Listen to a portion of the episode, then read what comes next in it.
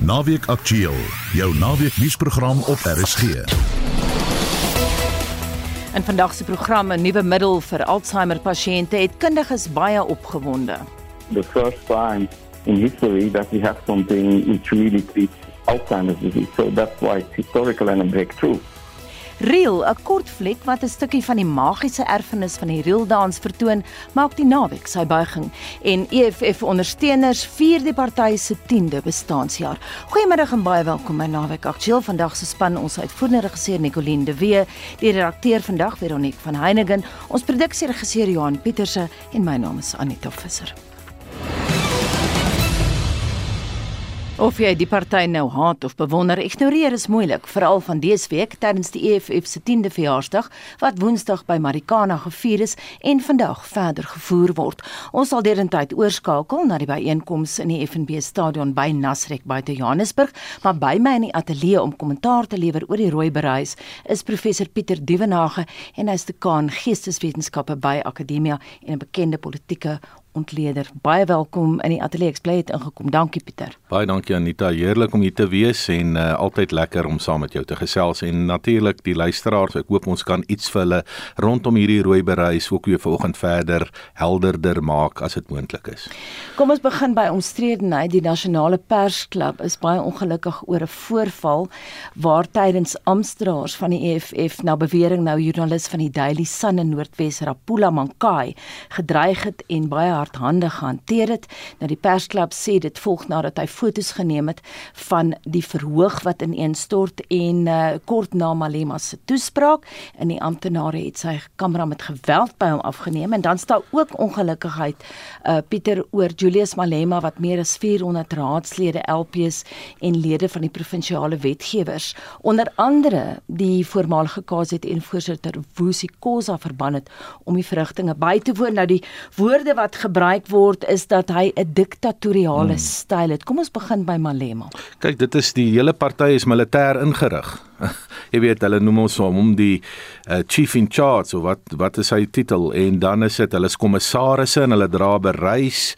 Ehm um, dit is 'n heeltemal 'n militêre tipe van inkleding van die politiek. Ehm um, in in dit natuurlik in 'n land wat wat wat baie geweld het. As jy nou nog 'n party gewelddadig of kom ons sê maar met militêre simboliek inklee, dan gaan jy dit kry dat 'n joernalis so behandel word. Dan word dit praktyk van die party. Kyk maar net die optrede in die parlement. Ons het nou weer hierdie jaar 'n verskriklike voorbeeld gehad. Ons het nie eens meer die parlement op die oomblik nie. Nou dis nie die EFF se skuld nie, maar daai ruimte in die stadsaal en hoe hulle gewelddadig weer daar opgetree die die EFF sê vir my dat wat met die joernalis gebeur het, ehm um, by soos jy dit skets, glad nie as 'n verrassing kom nie. Hoe nou verbonde is die EFF se beeld met Malema. Wat sou die EFF wees sonder Malema? Die EFF is Malema en Malema is die EFF. Met ander woorde, ek wil dit amper beskryf um, of ek wil dit beskryf met die begrip persoonskultus uh, en dat die hele party is rondom uh, Malema gebou. Wie van ons weet wie sy ondervoorsitter of die die, die visie? Ons weet van Floyd se Wambo so bietjie. Mm. Ek uh, weet ons wie sy wie is die wie is die tesourier? Ehm um, weet ons wie sy ander prominente lid? Nee, dit is 'n party absoluut gebou rondom 'n persoonlikheidskultus van Malema. En uh, dit beteken dat as Malema hier wegval, sal die party in baie groot krisis gaan. Uh en sou mens uh, moet kyk uh, wat is die toekoms van die party, maar dit is hoe ek dit in hierdie stadium stadium lees. Baie goeie punt wat jy maak, Pieter. Wie weet wie's die ondervoorsitter? Nou kan mense tuis ook koppe krap. Dis nou 8 minute oor 12 en ons sluit aan by Sya van der Walt Potgieter wat tans by die FNB stadion in Nasrek buite Johannesburg is, juis om vandag se gebeure daar te dek. Goeiemiddag, oor na jou Sya. Goeiemiddag Anita. Sê asif my, wat gebeur op die oomblik? Ek verstaan Malema gaan vanmiddag so teen 2 se kant sy toespraak lewer. Is dit korrek? Dit is korrek Anita, maar van vroeg vanoggend af het die ondersteuners van die EFF reeds begin saamtrek, die busse het begin opdaag, um mense in hulle rooi klere um het hulle weg begin oop sien na die FNB stadion hier in uh, Soweto. En op hierdie stadium lyk dit of daar 'n baie baie groot skare alreeds is. Um die EFF het vanoggend vir ons gesê hulle is besig om die stadion um stuk stuk vol te maak. Hulle laat nie almal op dieselfde tyd doen nie. Hulle wil nie hele mense met mekaar vertrap nie.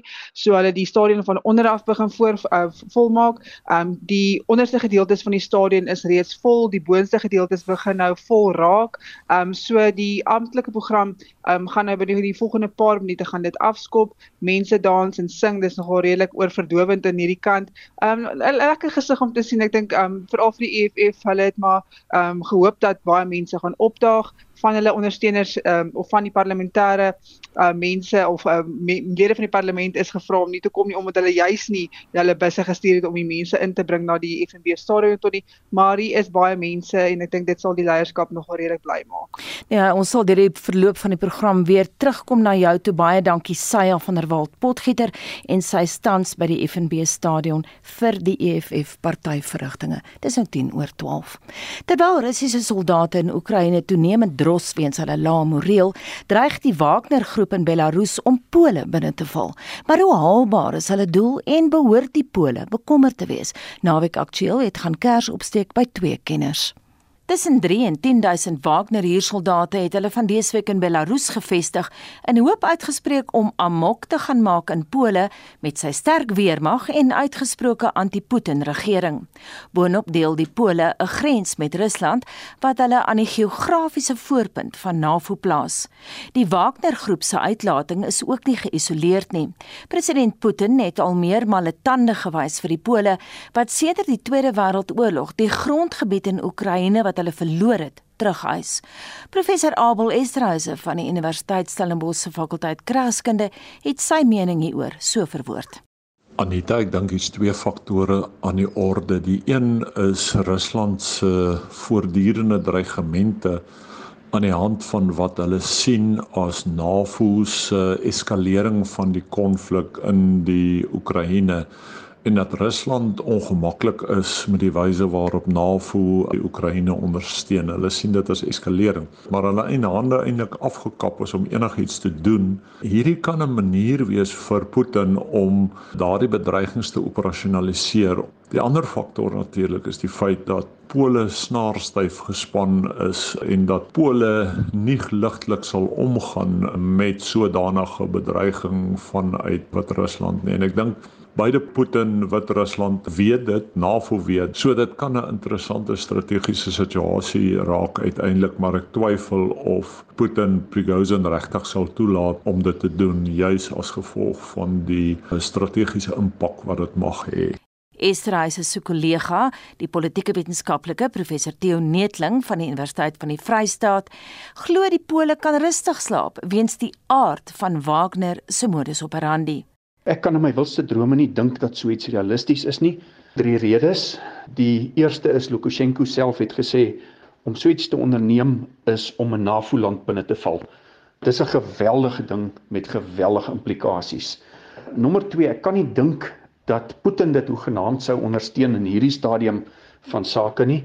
Dit pas nie by die Kremlin se strategie in so sake nou staan nie.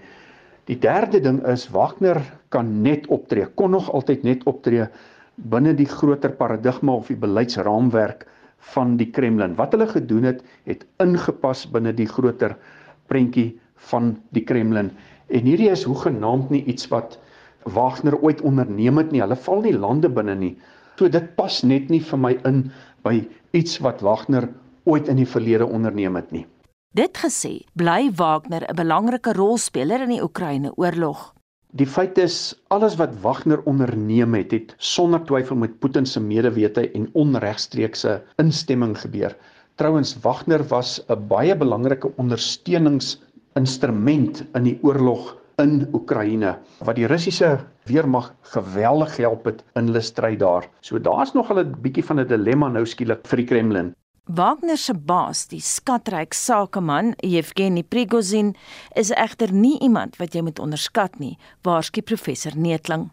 Die man het 'n skadukant uit vorige verbintenisse met georganiseerde misdaad en talle Wagner troepe is uit Russiese tronke gewerf vir operasies wêreldwyd. Prigozhin word ook verbind met die befondsing van die hoogs omstrede Internet Research Agency, die Russiese internet trollplaas wat onder andere betrokke was by inmenging in die Amerikaanse presidentsverkiesing in 2016. Die manier waarop Wagner reg oor die wêreld opereer, het dit 'n belangrike rolspeler in die uitvoering van Russiese buitelandse beleid gemaak.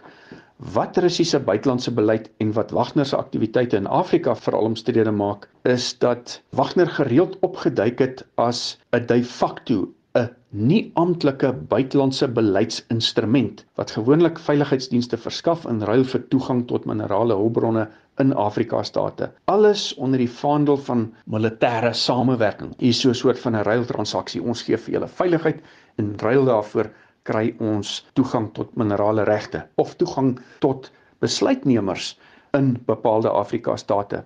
Abel Esterhuise sê Wagner is 'n verlengstuk van die Kremlin en dit staan ook as sulks in Afrika doenig.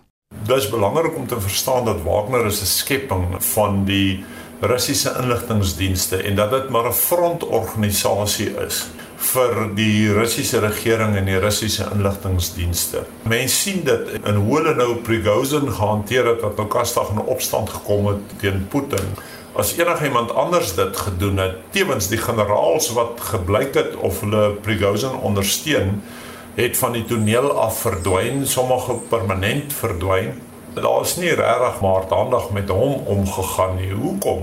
Omdat hy 'n verlengstuk is van die Russiese regering en die Russiese inligtingdienste. So dit gaan nie net hier oor Wagner wat in Afrika betrokke is nie. Dit gaan ook oor die Russiese inligtingdienste wat in Afrika en eintlik die Russiese regering wat in Afrika betrokke is.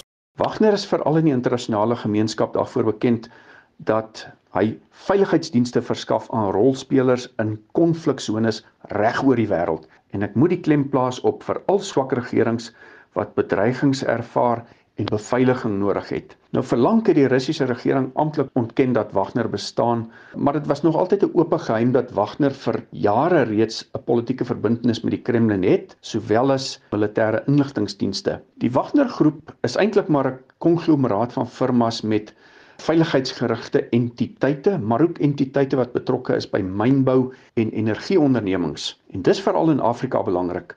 Trouwens, Theo Netling sê Wagner se spoor is in verskeie konflikgetuiserde Afrika state te sien. In verskeie Afrika state het president die vuilwerk gedoen wat Putin inderwaarheid nie met sy weermag sou wou aanpak nie. En dis veral gesien in Afrika state soos Libië, die Sentraal-Afrikaanse Republiek, Sudan, Mali, Hulle was selfs in Mosambiek betrokke by die Cabo Delgado konflik, maar net vir 'n kort tydjie want dit was nie 'n geslaagde operasie nie. En dis ook nie net in Afrika waar Wagner se huursoldate werksaam is nie. Die organisasie se voetspoor is goed gedokumenteer in internasionale konflikte, natuurlik in die Krim skiereiland, Sirië, Jemen en onlangs ook die Russiese betrokkenheid in Oekraïne. In al hierdie wêrelddele het Wagner as 'n soort tak van die Kremlin gefunksioneer al was dit nooit amptelik en de jure nie. Nou ja, dit dan die politieke wetenskaplike professor Theo Netling van die Universiteit van die Vrystaat wat sy mening die afgelope week met Naweek Aktueel gedeel het. Daar is 'n nuwe biomarker vir meervoudige sklerose wat vroeë diagnostisering makliker maak. Die Amerikaanse mediese webblad Science Daily berig dat die biomarker geskwees is op navorsing deur die Universiteit van Wene in Oostenryk. Die kruks hier is dat die dikte van die oog se retinale laag 'n goeie aanduiding kan wees van meervoudige sklerose. Naweek Aktueel het Dr Natanja Fourie, 'n neuroloog in privaat praktyk van Pretoria, wat 'n spesiale belangstelling in MS het gevra om die navorsing te bestudeer en kommentaar daarop te lewer.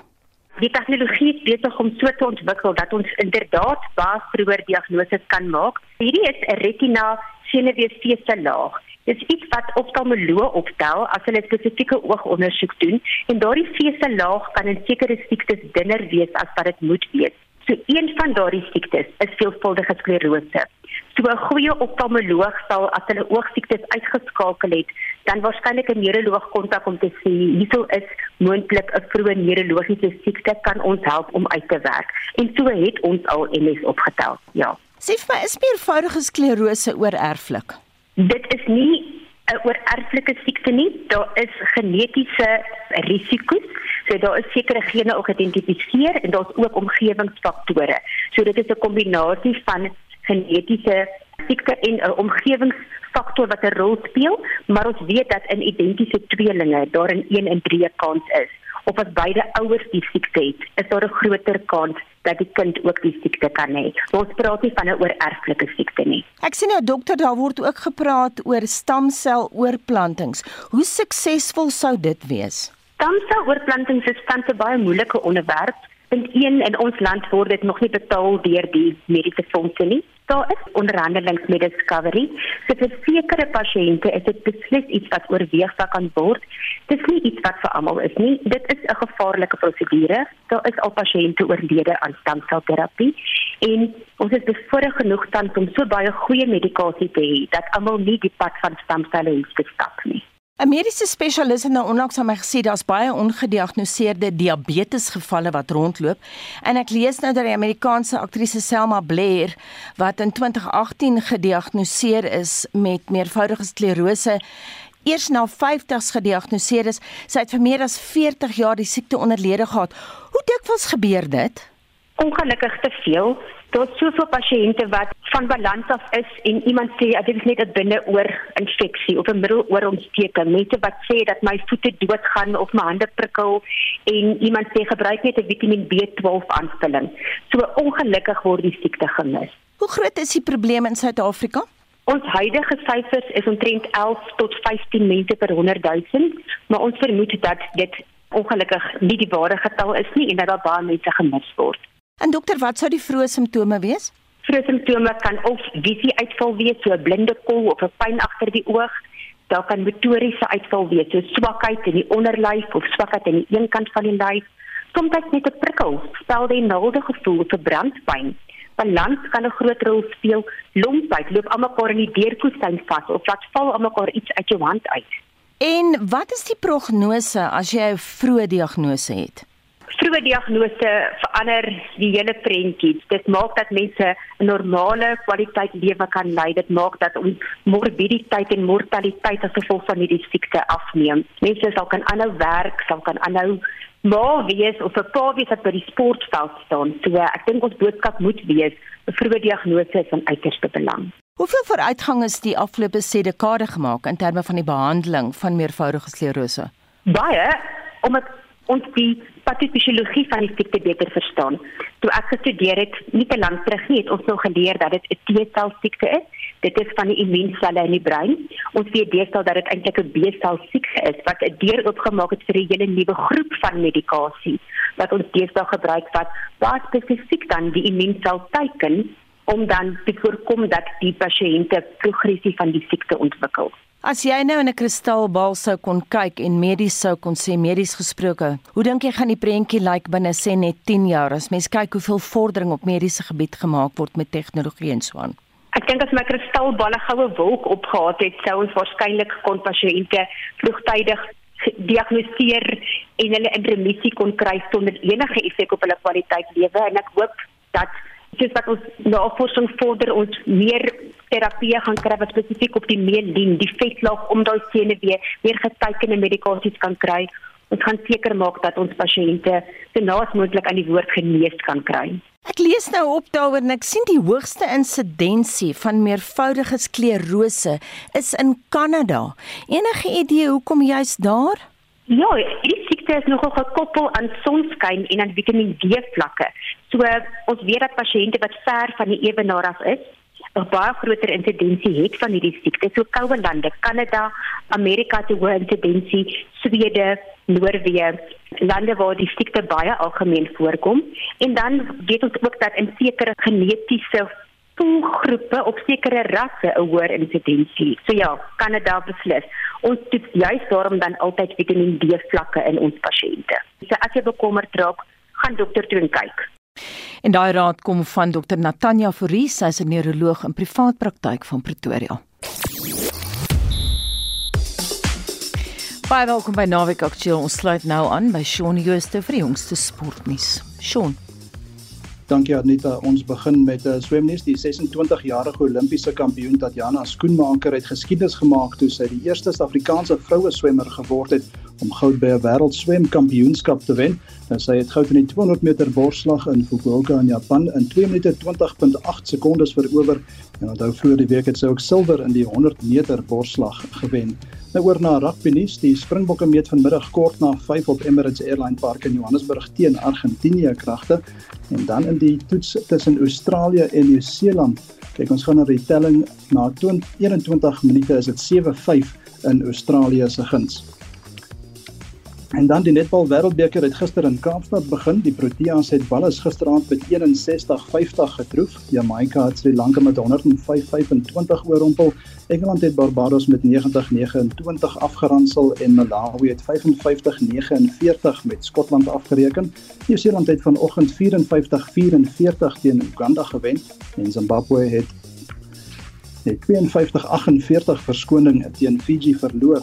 Nou kom ons kyk gou na die tellings in die ander wedstryde wat nou aan die gang is. Australië loop voor teen Tonga. Die telling daar 76-33 en dan Jamaica ook voor teen Wallis.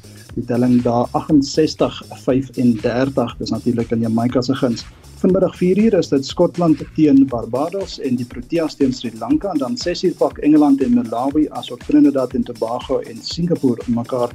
Nou die by die FIFA vroue sokker wêreldbeker het Swede vanoggend 5-0 teen Italië geseëvier. Brasilië en Frankryk takel mekaar op die oomblik en half 3 speel Jamaica en uh, Panama teen mekaar. Ons het die naweek ook twee Formule 1 wedrenne. Renjaars is nou besig met kwalifikasie vir die kort afstand wedren wat vanmiddag half 5 begin. Dit is daar in België. En vir môre se hoofwedren spring Charles Leclerc van Monaco eerste vir Ferrari, Sergio Perez van Mexico tweede vir Red Bull en die Brit Lewis Hamilton derde vir Mercedes weg. Max Verstappen van Nederland spring sesde weg in die ander Red Bull en dan hy's op soek na sy agste agtereenvolgende oorwinning. En dan laastens kyk ons net na cricket nuus. Sake is nogal gelykop in die 5de en laaste assetoets tussen Engeland en Australië. Die Aussies is gister vir 295 in hulle eerste beurt uitgebal en hulle geniet 'n voorsprong van 12 lopies en Engeland het hulle tweede beurt 12 uur begin. Baie dankie dit aan Shaun Jooste met die jongste sportnuus. In sy weeklikse motorrubriek toets Wesop Pretoria is vandag 'n petrolvrek.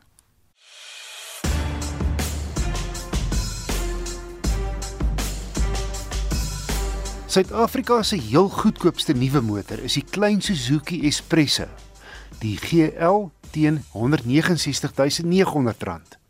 En die een wat ek gery het, die tweede goedkoopste in die land, is die GL Plus wat teen 'n bykomende R9000 in plaas van staalwiele 14 duim alloy wiele bied, asook Bluetooth, 'n sentrale raakskerm en ekstra elektroniese laaipunte binne. Daar's ook 'n S-edition topmodel en al drie word ook in outomaties aangebied. Die Espresso, nie eens 3,6 meter lank, is onlangs subtiel opgeknap en my GL Plus toetsmodel bied teen R179000 heelwat toerusting. Dis 'n nou karretjie so jy sit maar naby aan mekaar, maar omdat die daklyn hoog is, sit ek as 'n lang bestuurder gemaklik agter die wiel met genoeg hoof en beenspasie. Die baie interessante ding is ek kan agter myself sit met my skelet van net oor die 1,9 meter. Eintlik uitsonderlik vir so 'n klein karretjie wat 'n uh, spasie aanbetref.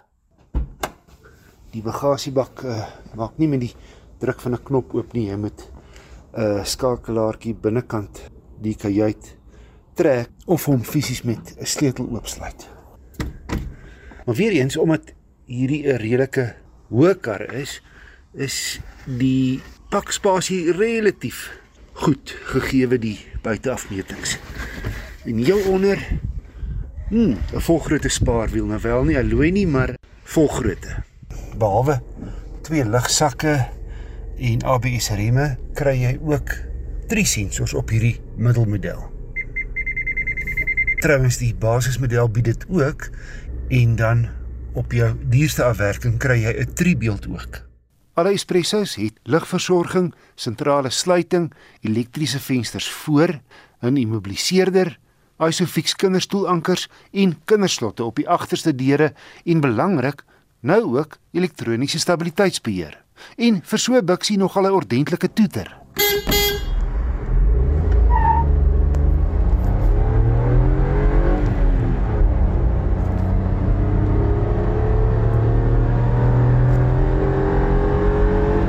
Net 49 kW en 89 Nm van die 1000 cc 3-silinder. Maar omdat die Espresso net 765 kg weeg, hou hy heel maklik by ander verkeer. Verbruik op my gekombineerde stad en ooppadroete, aangehelp deur 'n stoprystelsel wat die masjien self af en aanskakel by rooi verkeersligte, was 'n uitstekende 5,1 liter per 100 km. Dis gelyk aan 570 km op sy klein 29 liter tank. Hierdie mikrokruisvoertuig het 'n handige grondvryhoogte van 181 mm. Maar juis omdat hy relatief hoog staan en nou is, kantel hy nogal omdraaie. Dis nie die ideale langpadkar nie, veral nie op 'n winderige dag nie. Wel 'n gawe stadskar wat baie maklik parkeer. 'n Ander potensiële negatiewe is dat die bestuurder se sitplek en die stuur nie op en af verstel nie. Hoewel dit my nie geplaat nie. Om op te som, Suzuki se kleinste karnalie gaan nou nie in almal se smaak val nie met sy maar voorkoms en die instrumentpaneel in die middel van die paneelbord. Maar in ag geneem wat karre deesdae kos, bied die Espresso GL Plus teen R178900 baie goeie waarde as 'n bekostigbare ryding. En met stabiliteitsbeheer is die reeks nou ook veiliger. Ingesluit in die prys is 'n 2 jaar 30000 km diensplan en 'n 5 jaar 200000 km waarborg.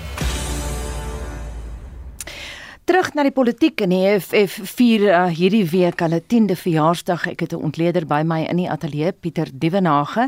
Hy is dekaan Geesteswetenskappe by Akademia.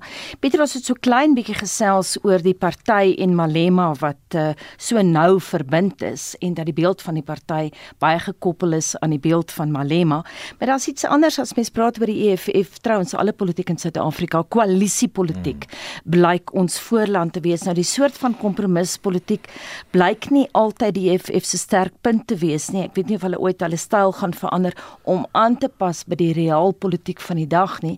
Maar aansluitend daarbey Pieter, die sameroeper van die ANC Veterane Liga, Liga Snoekie Sigalala het nou gister gesê die ANC se verhouding met die EFF is 'n jammerlike situasie, sy presiese woorde, want hy sê die EFF deel nie die ANC se waardes of beginsels nie. Wat is jou kommentaar hmm. daarop? Ja, dis dis twee interessante vrae Anita. Ek dink in die eerste plek die die hele DNS van die uh, van van die EFS F is eintlik teen koalisie. Dit is 'n party wat glo net net hierdie party die waarheid. Uh dis 'n kultusfiguur party, dis 'n radikale party. Ehm um, en daarom sou mens nie by hierdie party baie van 'n uh kom ons noem kom ons noem dit 'n kompromis uh, toegeneentheid kan verwag nie. Nee, dit is dit is net hoe die partye mekaar aan, uh, aan aan mekaar gesit is. Tog het hulle die afgelope paar jaar in koalisies hulle begewe. Ehm um, ek dink meer uit 'n sin vir eie belang uh, as die groter vraagstukke wat daarbey betrokke is. En nou kom jy by Snoekie Sigelala se interessante opmerking dat die ANC en die EFF het nie dieselfde waardes nie. Maar wat gebeur in Gauteng? Hier sit ons met Paul Masetile en ons sit natuurlik uh, met Panayasi Lesufi wat uit en uit met koalisies nou betrokke is uh, in in uh, Johannesburg Metro en Ukuruleni. En dit terwyl die nasionale uitvoerende komitee van die ANC 'n week of twee gelede gesê het, maar hulle wil eintlik nie koalisie met die met die EFF aangaan nie. Nou wat gebeur dan in Johannesburg?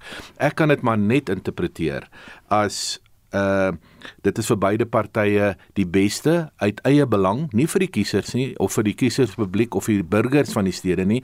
Dit pas hulle eie belang, beide die EFF en die ANC om in 'n koalisie met mekaar te wees.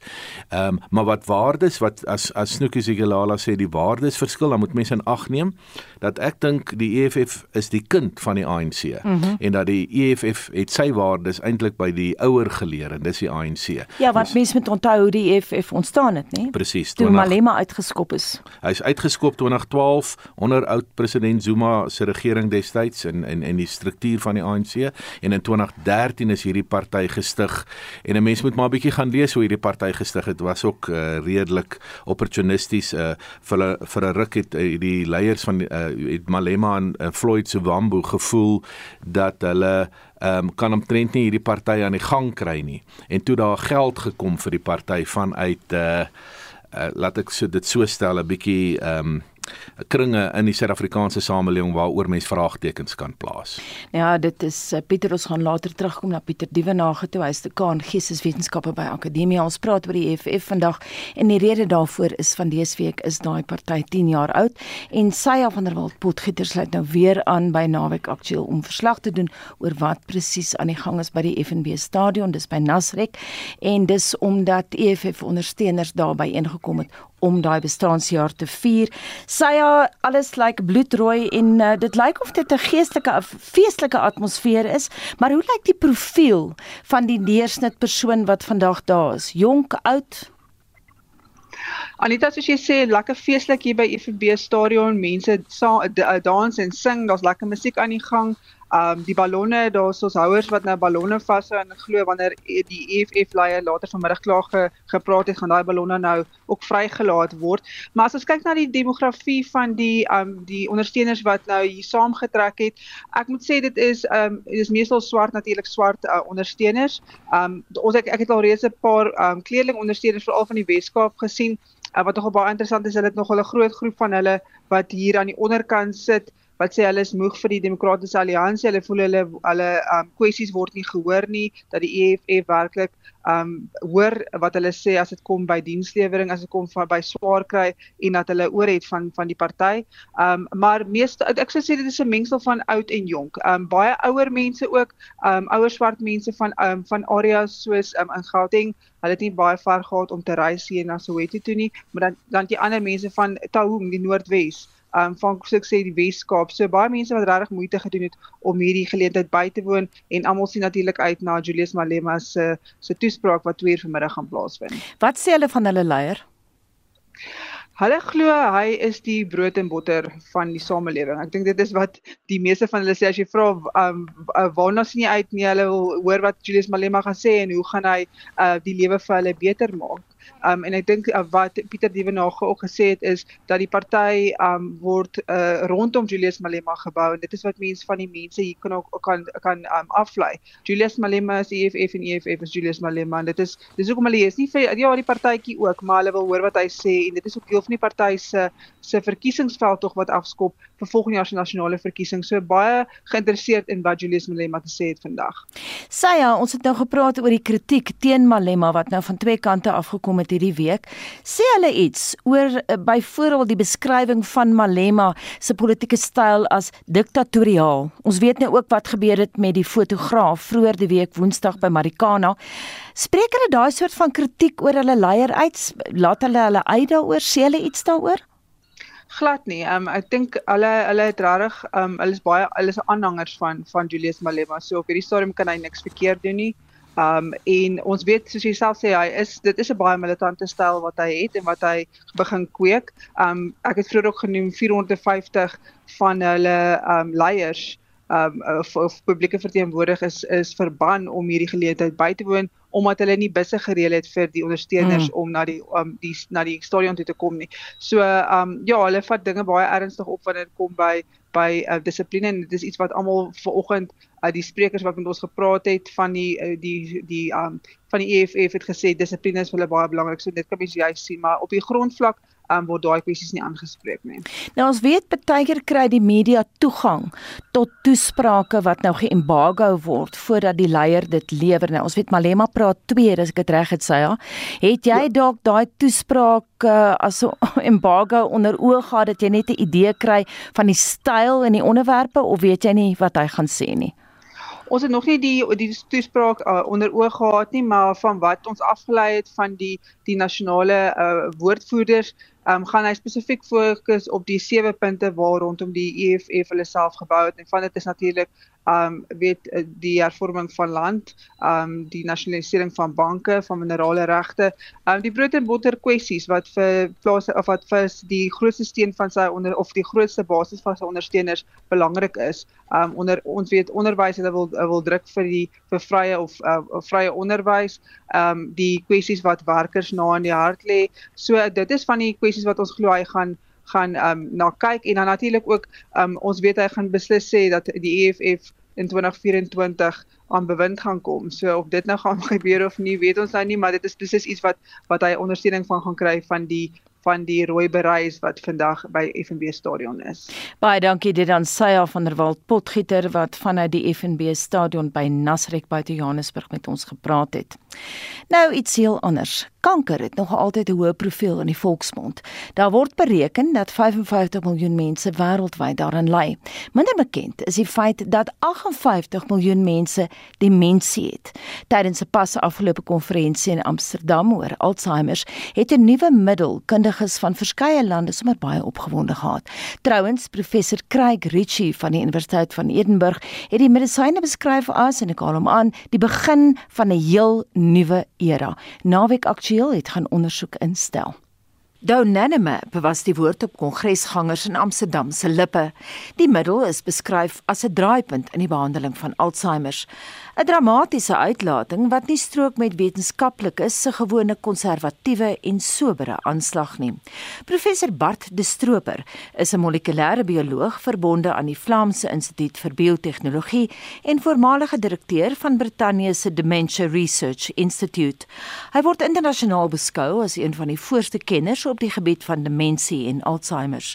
Soos meeste van sy kollegas was die stroper vroeër die week opgewonde oor die potensiaal van donanemab. The first time in history that we have something which really treats Alzheimer's disease. So that's why it's historical and a breakthrough. Die konsep is eenvoudig. Die proteïen amyloïd word uit die brein verwyder. Die spesifieke proteïen word ten nouste met Alzheimer verbind. In very simple terms, it goes into the brain, it binds to amyloid plaques, binds to these plaques and then activates a response of the brain which allows to clean these amyloid plaques. The amyloid plaques in your brain disappear. And that's of course a fantastic thing to see. Maar wat sê Suid-Afrikaanse wetenskaplikes daaroor? Een van die land se voorste spesialiste op die gebied van Alzheimer en demensie, professor Felix Potocznik, verbonde aan die Universiteit Stellenbosch, het sy stywer daaroor in die armbeurs gegooi. I'm a little cautious but I'm hoping that we do eventually get a breakthrough, either on this line or another line of treatment. The stories is We have some 135 million, possibly 150 million cases of dementia by 2050. And to date, only four medications to combat this. Vir professor Potocznik is die kruks van die saak die feit dat donanemab 'n ekstra dimensie kan verleen aan die behandeling van Alzheimer.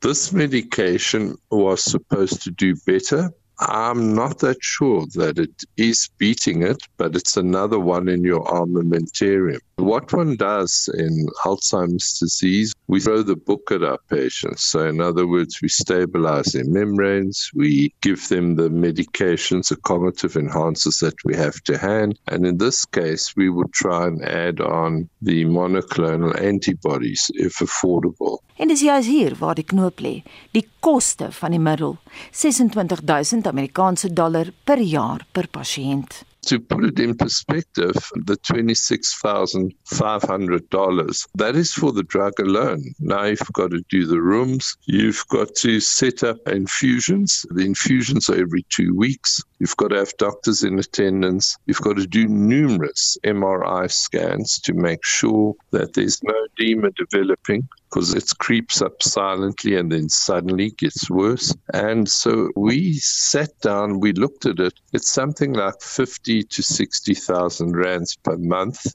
for something that is not a cure. So you can't say to your patient, look, put your house in bond, pass the hat around the family. We're going to fix this. You're actually delaying it. And at the 18 months mark, you're roughly where you're now. Potocznik, se Belgiese kollega Bart De Stroper, gee gereedelik toe dat die koste van die middel daarteen tel. From all the criticism, this is the main criticism.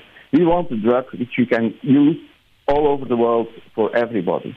Ander Alzheimer-deskundiges, soos die kliniese neuroloog professor Edu Richard van Radboud Universiteit in Nijmegen, is egter onseker oor of die nuwe middel al die lof werd is. In 'n onderhoud met Al Jazeera het Richard die middel beskryf as nie klinies relevant nie. Trouwens, hy glo dit skep vals hoop vir Alzheimer-pasiënte. Kritiek wat professor De Stroper so afmaak. Criticism is the easy way of uh, doing nothing. I strongly disagree with this person. It's always like how you look at things. So I see it as the beginning of the end. Sommige kenners is weer bekommerd oor die neeweffekte van die middel wat bloeding op die brein kan veroorsaak. Trouwens, 3 pasiënte is tydens die kliniese toetsfase dood. Bart de Stroper redeneer egter dat daar met elke nuwe middel neeweffekte is. Hy gebruik vigs as voorbeeld. As mediese praktisyn in Frankryk tydens die 80er jare het hy die ontwikkeling van vigsmedisyne nou dopgehou. I think we need to be very careful. And so the first AIDS medication was also not fantastic. Patients lived a few weeks more, but then gradually the drug improved just because you start to treat patients, you find out which patients profit. Other companies see that the company was successful in getting a drug to the patient, they follow the lead and they try to improve and compete with it. And so you get better and better drugs. Op die ou einde rus die onus op die Alzheimer pasiënt en die se dokter. This is a discussion that you have to have with your doctor. If you have this disorder, do you take a chance in getting better with the risk that you can die 1% or something or don't you do anything and leave it just like it is? Dit dan die Belgiese molekulêre bioloog professor Bart de Stroper wat gister vanuit Leuven met my gepraat het. Reel, 'n kort fliek wat 'n stukkie van die magiese erfenis van die reeldans vertoon, maak môre middag sy buiging by die Durban Internasionale Filmfees. Die regisseur Zenobia Kloppers sê mense het voorheen op die reel neergekyk, maar vandag beskou die jeug dit as hulle erfenis. Kloppers, voorheen 'n aktrise, het aan Anne-Marie Jansen van Vuren verduidelik hoe sy agter die kamera beland het en wat die debuut as regisseur vir haar beteken ek het eers woorde daarvoor hê want dit voel so onwerklik soms. Dis vir my 'n ongelooflike groot eer om op so groot internasionale fees te wees. Van Durban Internasionale Filmfees is een van die groot feeste in die wêreld. Ek kan maar net sê ek is presies dankbaar vir hierdie seëning. Alhoewel jy al 'n loopbaan van 30 jaar het en baie in teater opgetree het, het baie van ons jou eers leer ken toe jy die groot verantwoordelikheid op jou skouers gehad het om Vila in die rolprent Vila se kind te speel. Nou hoe het jy daai oorgang gemaak van aktrise wees na om regisseuse te wees? Dit was nog 'n leerskool. My regisseur van Villa, Brett Michael Ennis, ons was besig om te gesels oor ietsie saamskryf vir 'n film en so aan en ons dink toe nou maar wie gaan die regie doen? Toe vra hy vir my maar so nou wil jy nie die regie doen nie. Toe sê ek maar wat weet ek van filmregie? As dit op teater was, is dit iets anders. Toe sê hy ek sal jou help, ek sal jou mentor. Kom ons doen 'n kort film en kyk hoe gaan dit. En dit is hoe reël gebeur het. En weet jy, ek het baie navorsing gedoen oor filmtegnieke. Ek, ek het my vernoot het 'n uitgewer ek en ons doen filmstudieboeke. So dit was nie vir my 'n nuwe ding om die tegniese kant van film maak te ondersoek nie. En weet jy as 'n mens baie tyd spandeer op stel as aktrise, dan leer jy nogal baie tegniese goed sonder dat jy eers bewus is daarvan. So dit was vir my die grootste leerskool is om in plaas van voor die kamera te staan om agter die kamera te staan. Want dit is 'n kuns, weet jy, dis 'n kuns.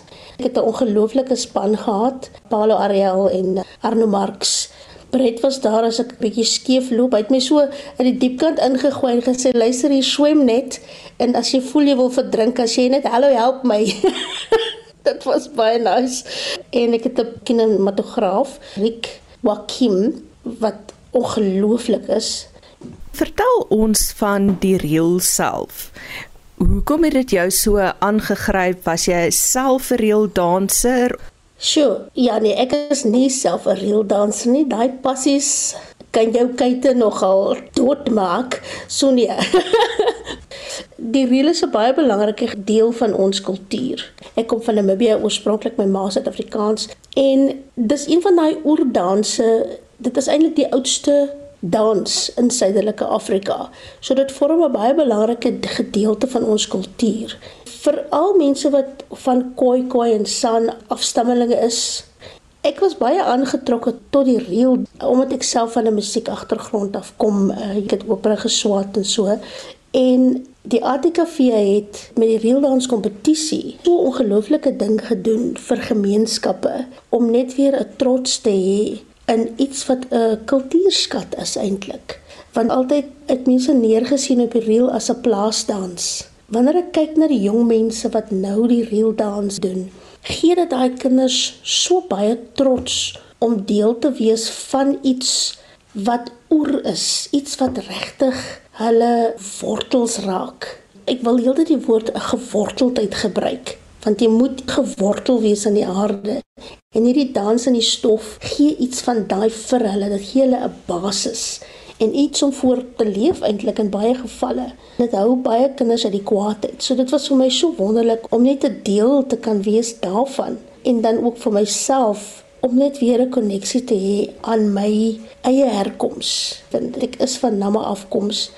En hierdie fliek van jou word môre vertoon saam met 'n kort fliekpakket wat hulle noem Living Memory Transmission Intergenerational Collective Memory. So dit klink amper of hierdie fliek gemaak is vir die tema van die kort flieks wat by Durban vertoon word. Ja, ja, weet jy dis dis nou baie gelukkig dat Real inpas by een van die temas van die Durban Internasionale Filmfees. Want ek dink filmfeeste wanneer hulle kortfilms kies, dink ek baie van hulle kies ook volgens 'n tema, want elke fees het maar 'n tema elke jaar. So ons is verskriklik gelukkig om binne in daai tema te kan val. Die een ding van die real dance en dit is ook wat ons in hierdie storie wil vertel, is dat dit is 'n oordra van kennis en tradisie dit is vir my so so belangrik om stories te vertel wat nog nooit die ruimte gehad het van tevore om vertel te word nie. Want dit gee vir mense so 'n sin van ek hoort ek is ook waardig om hier te wees. So dis vir my fantasties om deel te wees van daai spesifieke kortfilmpakket En daai entoesiasme kom van Zenobia Kloppers. Sy is regisseur van Reel. Dis 'n kort fliek wat môre middag by die Filmfees in Durban vertoon word en Anne Marie Jansen van Vuren het daardie onderhoud met haar gevoer. Nou van Anne Marie se storie gaan ons terug na ons ateljee gas vandag. Dis professor Pieter Dievenage. Hy's dekaan Geesteswetenskappe by Akademia en ons praat oor die EFF en met goeie rede vandag want hierdie week is hulle 10 jaar oud. Pieter ons het nou na verskeie aspekte gekyk in die vroeë gesprek. Ek weet nie of almal dit gehoor het nie, maar ons het gepraat van hoe nou Malema verbind word aan die party. Die EFF Pieter het 'n baie robuuste politieke styl meegebring. Watter effek het hierdie party se modus operandi gehad op ander politieke partye in Suid-Afrika se manier van dink en doen? Ek sal dit so antwoord, ehm um, Anita, ek dink aan die een kant het dit geen effek op ander partye gehad nie want ander partye is eintlik afge hoe kan ek dit stel? Hulle hulle hulle het eintlik 'n weersin op die manier waarop die EFF dit doen. Jy kan na enige party in die parlement kyk. Die optrede van die EFF is nog net deur hulle so uitgevoer. So die styl van die van die EFF ehm um, jy weet hierdie jy jy noem dit robuust en en dit is inderdaad robuust maar dit selfs gewelddadig en is uitdagend en is ongeskik. Uh en dit is nie vir die ruimte van die parlement enigsins uh, die manier waarop 'n protokol en etiek uh van debattering moet nagekom word nie. So wat ek dink wat wel verander het en wat wat jou vraag baie interessant maak is dat die EFF het die atmosfeer van ons openbare lewe tot 'n groot mate beïnvloed na die negatiewe kant toe. Want 'n land wat wil vooruitgaan, moet in sy openbare sfeer, in sy publieke ruimtes, ordelikheid en respek vir mekaar waar daar verskille is, goeie debat, 'n uh, professionele dialoog, volwassenheid. Dit het die EFF glad nie in ons politiek gebring nie. Inteendeel, ek dink en ek gaan nou hier 'n begrip munt. Hulle is eintlik adolessente uh in die politiek. Nou adolessensie moet mens ook voor uh baie begrip hê en alles, maar jy kry die gevoel dat die EFF wil nie volwasse deelneem aan die politieke stelsel nie en as dit die geval is, uh, skep dit 'n atmosfeer en 'n situasie wat ons politiek nie vorentoe vat nie, maar terugwaarts. Ja, interessant want ons was Westminster politiek en hmm. Westminster parlementêre politiek gewoond. Skielik hmm. hier verander die styl daarvan, maar Pieter, dit nou hmm. alles gesê, jy het nou gepraat oor die negatiewe Wat beskou jy wel as die EFF se grootste bydrae tot die politiek, nie net in terme van die party se styl nie, maar in terme van inhoud? Wat het hulle op die agenda geplaas wat broodnodig was dalk? Ja Anita, jy sit my nou regtig hier op uh, soos die Engels sal sê on the spot want ek moet vir eerlik sê Ek weet nie of die EFF soveel bygedra het tot ons politiek die afgelope 10 jaar nie. Dit was eintlik 'n baie negatiewe uh, tipe ding wat hulle gedoen het. Nou natuurlik in daai daai negativiteit, die afbreekendheid, die ehm um, byna anargistiese manier waarop hulle dinge benader, uh, het hulle ehm um, sekere kwessies na vore gebring uh wat belangrik is en ons almal weet van daai kwessies, jy weet werkloosheid. Hmm. Uh, ons weet die hele kwessie van die ekonomie moet aangespreek word. Uh, ons weet dan snaaks genoeg hulle praat van dan moet orde en dissipline in die samelewing kom, uh, maar maar hulle is eintlik 'n baie onordelike party. So belangrike kwessies word op die uh, tafel gesit deur die deur die EFF.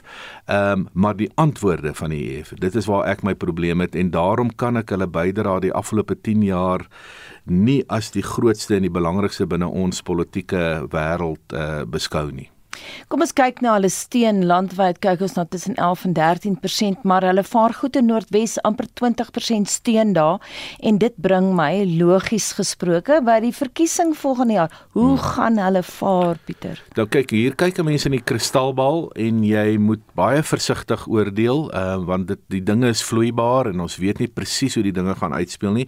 In die stadium dink ek hulle het 'n plafon bereik hier tussen 11 en 13% nasionaal. Sekere provinsies staan hulle natuurlik sterker. Byvoorbeeld jy het na Noordwes verwys, 18%. Mm. Limpopo en Gauteng het hulle hier rondom 14. Dit is 'n bietjie hoër as hulle nasionaal, maar in die Wes-Kaap staan hulle by 4%. So dit hang af waar jy in die land is. Uh, die Noord-Kaap dink ek hier by 7, 8. Uh so dit hang af waar waar jy in die land is, maar uh dinge kan natuurlik geweldig verander. Uh daar is 'n tipe van 'n ANC kiezer wat na die EFF kan gaan. Mm -hmm. Daar is 'n tipe kiezer. Ehm um, maar uh ek dink die ANC onder uh, president Ramaphosa het nog 'n manier om daai kiezer terug te hou en weg van die EFF en dan dan is daar daai vreemde begrip van waardes wat Soekie Snoekie Sigelala uh, wat jy vroeër na verwys het. Mm. en en ek dink die ANC is tog 'n bietjie 'n ander tipe party maar hulle het geboorte gegee aan die EFF so dis hulle kind. Mm. uh, en daar is daar is heelwat simpatie nog in die ANC dit is die ding wat 'n mens bekommerd maak. Simpatie vir die EFF binne die ANC ons het ook gesien sien nou hier in Gauteng met daai koalisies. Ons het nou ook gehoor dat ons verslaggewer by Nasrek Saya van der Walt Potgieter gesê het dat daar is ook mense wat van die DA af oorgeloop het hmm. na die EFF. Toe enige kommentaar op daai stelling? Kyk, ek dink dis 'n verwysing na die Wes-Kaap en soos ek hmm. gesê het, daar is die daar is die EFF se se steun maar 4%. So ek dink dis dalk ook 'n dalk uh, vir die EFF baie belangrik om te maak uh, en en te dalk het hulle ook georganiseer daar rondom dat 'n groep van hierdie kiesers uit die Wes-Kaap daar by Nasrek uh, of daar by die stadion is. Maar ek wil net 'n ander punt eh, Anita opper as ek mag en dit hmm. is ons moenie te veel suurstof gee vir die EFF nie, maar ons moet hulle ook nie uit ons versuur laat nie. En ek dink in hierdie opsig het journalistiek en het radiojournalistiek en koerantjournalistiek geweldige verantwoordelikheid en diepte journalistiek dat ons hulle dophou, maar dat ons hulle ook nie te veel suurstof gee nie. Ek wil vinnig vir jou vra 'n soort van ja of nee antwoord. Dink jy die media gee te veel aandag aan die EFF? Ehm um, vir my as kommentator voel ek ja. Nou ja, dis 'n regheid. Dis 'n regheid antwoord op 'n regheidsvraag. Baie dankie uh, professor Pieter Dievenage, dekaan geesteswetenskappe by Akademia het vanmiddag by my gekuier in die ateljee. Dankie dat jy ingekom het en kom gesels het Pieter. Die span moet groete namens ons uitvoerende regisseur Nicoline de Wee. Ons redakteur vandag was Veronique van Heiningen, ons produksieregisseur Johan Pieterse en my naam is Anita Visser.